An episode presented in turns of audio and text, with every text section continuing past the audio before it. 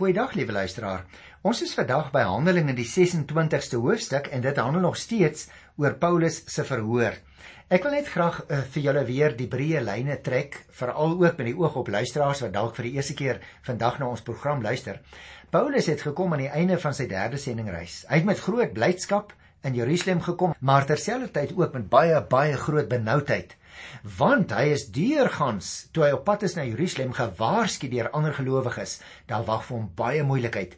En dit het net so gebeur. Ons het dit alles nou al bespreek in die vorige programme. Hoe dat die Jode hom wou doodmaak. Hoe dat die Romeine hom moes red. Hoe dat hy toe uh, deur die Romeinse kommandant in die tronk gesit is.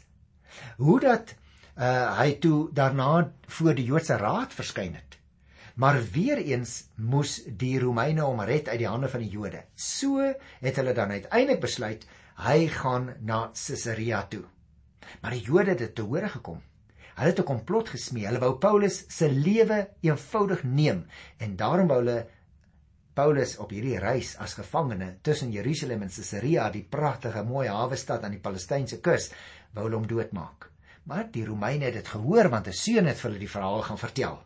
En toe het hy uiteindelik in Caesarea beland en daar het hy voor ou Felix beland, maar Felix het besef, wag, ek het nie genoeg uh gesag nie, maar een van my kollegas, koning Herodes Agrippa die 2de, lê op die oomblik besoek af in ons land en nou gaan ek vir uh, hom vra om Paulus te verhoor.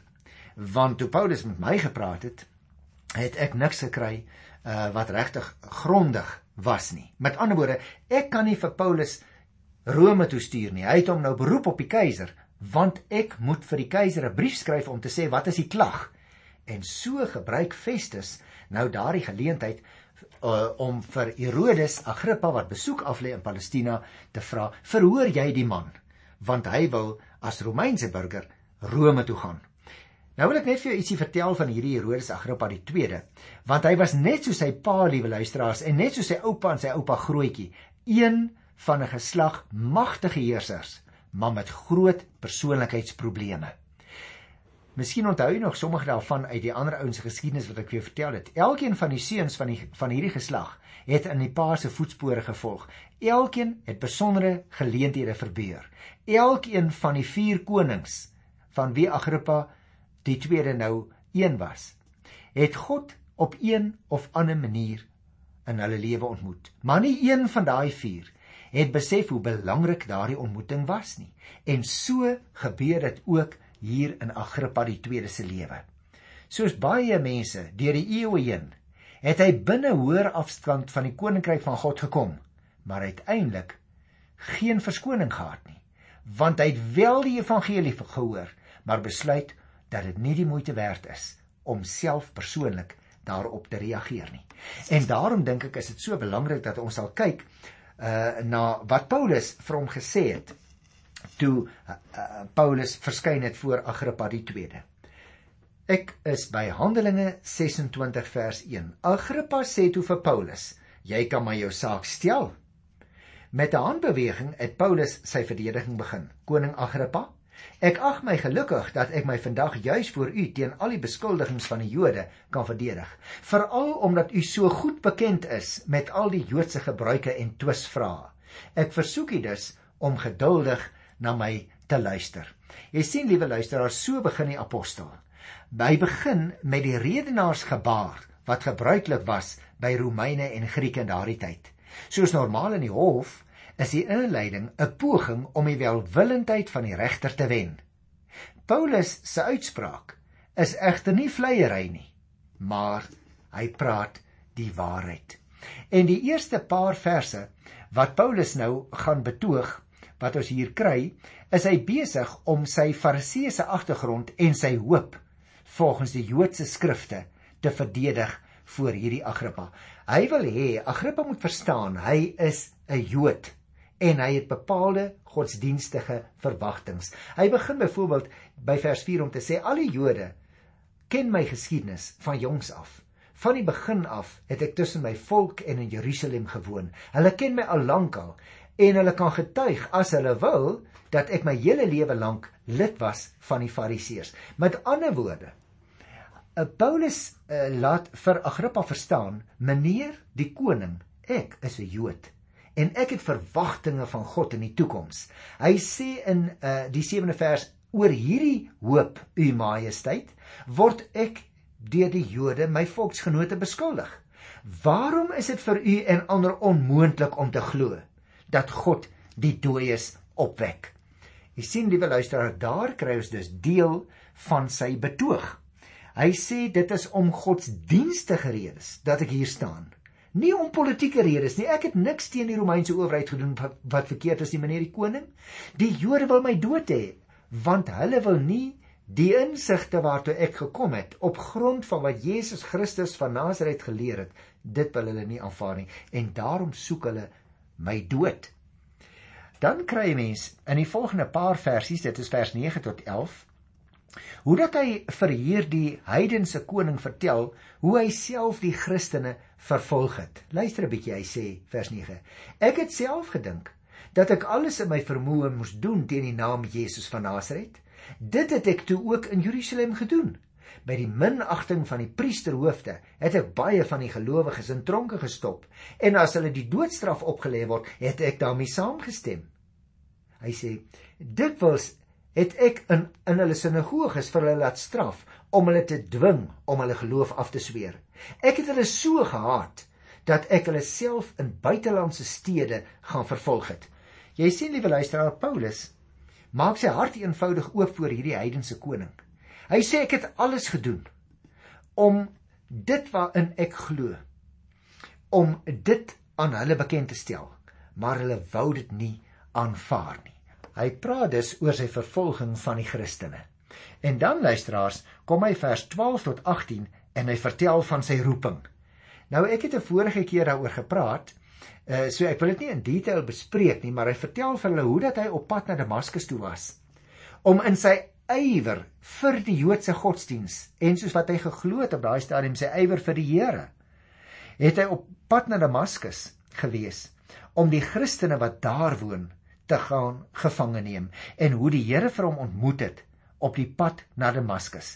Jy sien nie, luisteraar, hy het hierdie storie van sy bekering ook vertel voor die Sanhedrin, voor die Jode. Hy het nie 'n dingetjie uitgelaat nie, hy het nie geswyg daaroor nie. Hy het sy getuienis gelewer oor wie God in sy lewe is. En dit doen hy nou ook voor hierdie koning Herodes Agrippa die 2de hier in Caesarea. Hy steek niks weg nie. Hy vertel wie die Here Jesus is. Hy vertel wat Jesus Christus vir hom gedoen het. En dan uh kom hy hier in die laaste gedeelte in vers 19 tot 21 hoe hy vir hierdie koning vertel hoe hy gepreek het oral waar hy gekom het teenoor die Jode het hy met inset van alle magte die Here Jesus Christus verkondig. Kom ek lees vir jou so 'n stukkie daar uit lees uh, luisteraar. Mens skryf dit hier in vers 19 tot 21 van toe af koning Agrippa. Was ek nie aan die gesig uit die hemel ongehoorsaam nie? Ek het eers vir die mense in Damaskus en in Jerusalem en toe deur die hele Judea en daarna vir die heidene nasies gepreek dat hulle tot inkeer moet kom en hulle tot God moet bekeer en hulle moet bewys met hulle dade dat hulle bekering eg is. Daarom het die Jode my by die tempel aangeval en probeer vermoor. Hy sê meneer die koning, ek wil net vir u sê, dit is regtig nie om politieke redes dat ek opstande wou reël in die Romeinse ryk dat ek beskuldig word. Ek staan hier in Caesarea voor u as 'n beskuldigde mens omdat ek 'n godsdienstige oortreding volgens die Jode begaan het. Maar meneer, ek kan nie anders daaroor stil bly nie. Dit het my hele lewe geword. Daarom het ek hierdie lang reise onderneem. Sy prediking sê dus was die oorsaak dat die Jode toe hy terugkom in Jerusalem uiteindelik hom aangeval het en hom nou wil dood hê. En dan sluit hy sy boodskap af met sy laaste paar verse in vers 22 en 23 en dit is baie belangrik luisteraars dink ek dat ons dus daaraan sal aandag gee. Hy sê omdat God my tot vandag toe bewaar het, staan ek hier as getuie voor klein en groot. Ek verkondig maar net waarvan die profete en Moses gepraat het. Die Christus moes ly en die eerste wees wat uit die dood opstaan. Daardeur sou hy aan die Jode en aan die heidene nasies die lig bring. Jy sien, luisteraar ten slotte, gee Paulus dus 'n samevatting van sy boodskap wat hy bring tot klein en groot, sê hy. Met ander woorde, hy ons sien niemand nie. Hy verkondig die boodskap aan alle mense vir wie hy teekom. Alle mense is in Paulus se fokus. Die boodskap staan dus in volle harmonie met die beloftes van die Ou Testament. In die Ou Testament, luisteraars, het God naamlik alreeds gesê dat die Messias sou kom. Dink maar net aan Jesaja 53 en dat hy sou opstaan en die verlossing sou bring vir Jood en vir heiden. Dit is waarvan Paulus uh ook hierdie koning Herodes Agrippa wil oortuig. Hy sê ek is besig met 'n godsdienstige saak. Ek is nie besig met opstand teen die Romeinse owerheid nie. Paulus, liewe luisteraar, het sy lewe op die spel geplaas om iets te verkondig wat vir die Jode aanstootlik en ook vir nie-Jode dalk onaanvaarbaar kon wees. Jesus het destyds dieselfde reaksie met sy boodskap ontlok. Onthou jy nog daar in Markus 3 by die 21ste vers? Vir die materialiste en die wêreldse mense lyk dit vandag nog asof 'n opregte Christen kranksinnig moet wees om soveel op die spel te plaas in ruil vir so min. Maar luisteraar, as jy en ek die Here Jesus Christus wil volg, dan ontdek ons dat aardse en tydelike besittings nie kan opweeg teen die vreugde en die beloning van die nuwe lewe in Christus nie. En nou kry ons koning Herodes Agrippa die 2de se reaksie. Vers 22 sê: Terwyl Paulus hom so verdedig, skreeu Festus: "Jy's mal, Paulus. Jou groot geleefdheid maak jou mal." Maar Paulus sê: "Ek is nie mal nie, u edele, maar onder die leiding van die Heilige Gees praat ek die waarheid wat elkeen kan verstaan." Hy sê: "Die koning weet van hierdie dinge en daarom praat ek openhartig met hom. Ek is seker dat dit nie sy aandag ontgaan het nie, want dit het nie eers in die hoekie gebeur nie, meneer. Koning Agrippa, Glo u die profete? Nou hier konfronteer Paulus nou vir Agrippa direk. Hy sê koning Agrippa, glo u die profete? Ek weet u glo. Agrippa sê toe vir Paulus, jy dink seker jy kan my sommer so gou-gou 'n Christen maak. Met ander woorde, Paulus maak 'n appel op hierdie koning, maar hy reageer negatief. Nou sê Paulus in vers 29, of dit nou gou-gou gebeur of langer gebeur, ek bid God dat nie net u nie, maar almal wat vandag na u luister, sal word wat ek is. Natuurlik net sonder hierdie boeye. Wat Paulus dus hier doen, liewe luisteraar, is om so ernstig 'n appel te maak op hierdie ongelowiges dat hulle as dit ware nie kan nie. Hy lê dit as dit ware in die mond van Agrippa.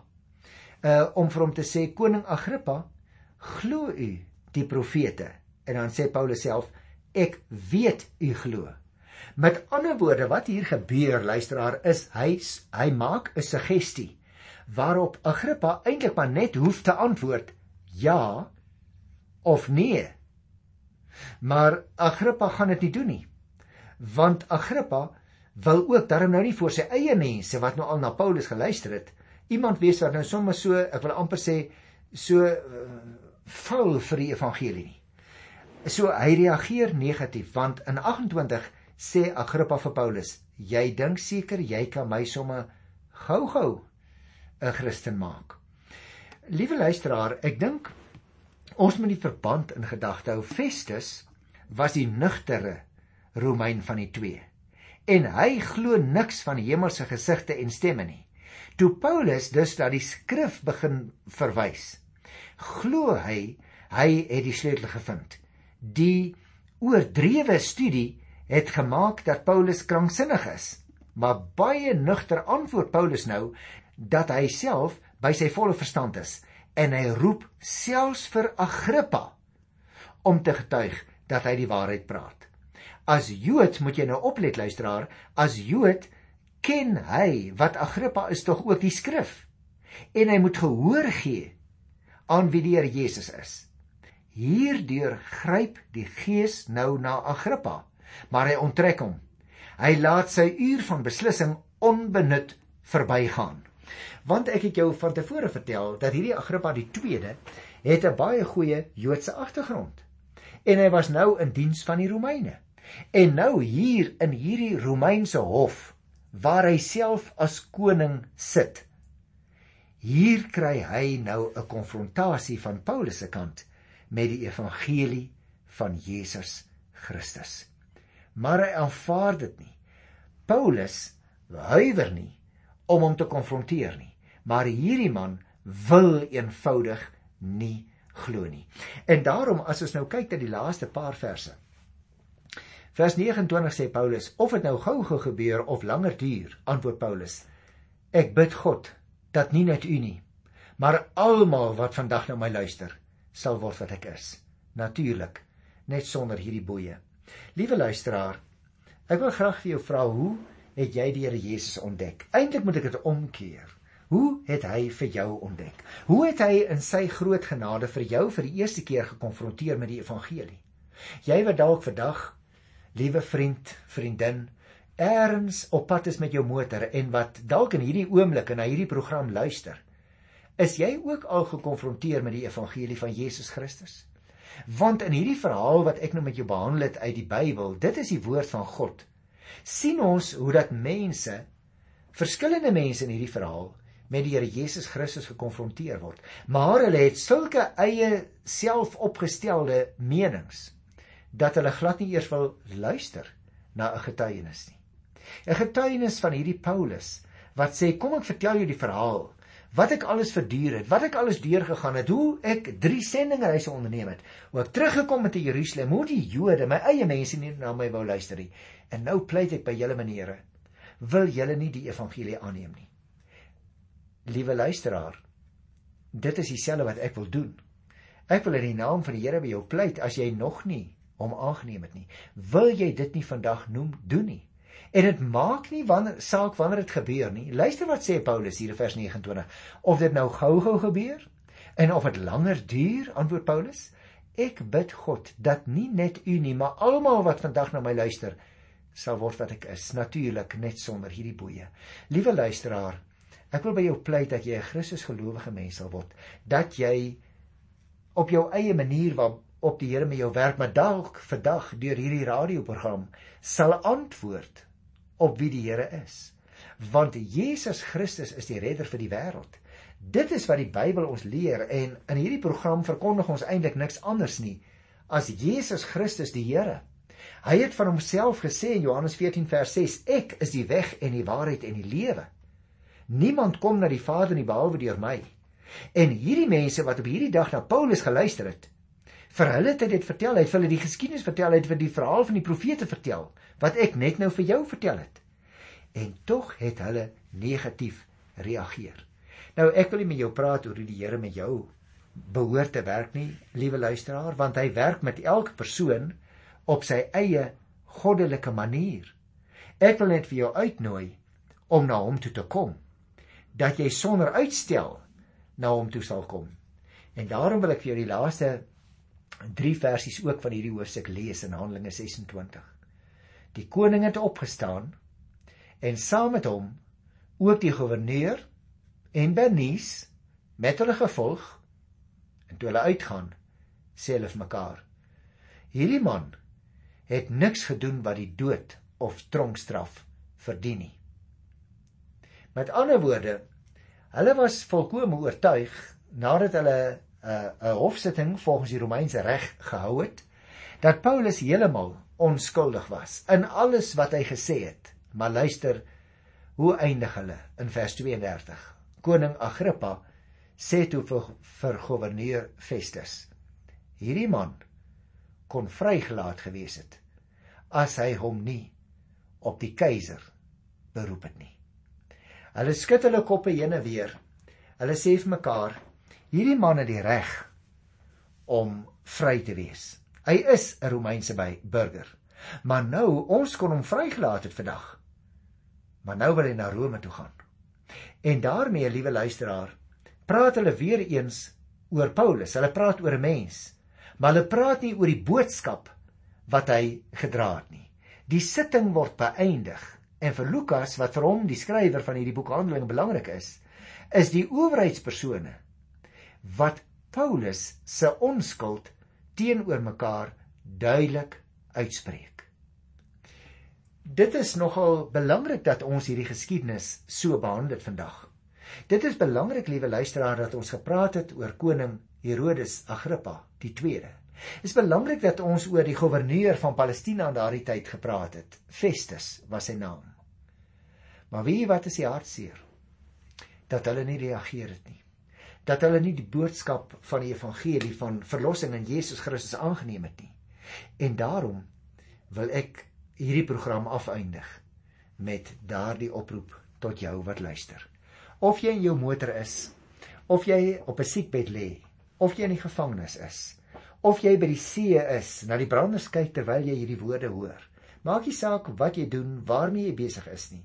Maar as jy vandag hierdie oproep in die naam van Jesus Christus hoor, dan wil ek graag vir jou in alle nederigheid die boodskap aanbied. Ek wil vir jou in die naam van die Here verlossing aanbied. Ek wil vir jou aanbied, liewe luisteraar, die ewige lewe in die naam van Jesus Christus. Jy kan net soos hierdie wetgeleerdes alles van wetgewing weet. Jy kan wat jou beroep ook al is, die hoogste sport bereik het. Maar jy kan steeds geestelik verlore wees. Jy kan al die aansien kry wat hierdie wêreld kan bied, maar jy kan nie die verwagting hê op 'n ewige lewe nie.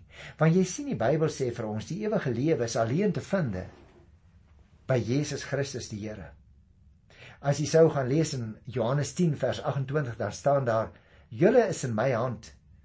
Niemand sal julle uit my hand ruk nie. En ek gee julle die ewige lewe." Liewe luisteraar, net soos wat Paulus gepleit het by die Jode en hulle wou nie glo nie. Net soos wat hy gepleit het by hierdie Romeine wat hom verhoor het, maar hy wou nie glo nie. Net so wil ek in alle nederigheid vandag by jou pleit in die naam van Jesus Christus. Kom, kom buig saam met my aan die voete van die man uit Nasaret, want dit is alleen by hom dat daar redding te vind is. Hy ontvang ons almal net soos wat ons is. Dit maak nie saak aan watter godsdienstige groep jy behoort nie. Dit maak nie saak wat jy aangehang het tot vandag nie. Dit maak nie saak wat jy probeer bereik het sodat jy die ewige lewe kan verwerf nie. Hy gee dit verniet Jy mag vra, Johan, jy wat nou met my praat, jy sê verniet. Nou moet ek myself dalk korrigeer, wie jy? Verniet vir jou. Maar nie verniet vir hom nie. Hy het aan 'n kruis betaal. Ek weet, luisteraar, jy mag dink dit is 'n dwaase ding. In Bybelse tye was dit ook beskou as 'n dwaase ding dat 'n ou sy lewe kan gee vir ander. Maar onthou die Here Jesus was nie net 'n ou nie. Hy was die seun van God self. Hy is dit vandag nog. Dit is net sy sondelose bloed wat kan betaal vir die redding van mense vandag nog. En daarom het hy wat van die hemel af gekom het 'n prys betaal aan 'n kruis op 'n heuweltjie buitekant Jerusalem destyds. Dit is genoem Golgotha. Kobbeenplek as mense direk vertaal. En daar het hy vir jou en vir my 'n prys betaal met sy eie lewe Daar het hy met sy goddelike, sondelose, kosbare bloed betaal, sodat jy niks meer hoef te betaal nie. Jy hoef niks verder te verwerf. Jy hoef teen geen leer moeisaam op te klim om die ewige lewe te kry nie. Jy kry dit uit die hande van Jesus Christus heeltemal verniet. En daarom hierdie verhaal wat ek vandag aan jou voorgeles het, hierdie historiese gebeure voor 'n hofsitting in Caesarea in Palestina 2000 jaar gelede. Dit is uiteindelik die soort regspraak wat alle mense voor die troon van God sal aanhoor.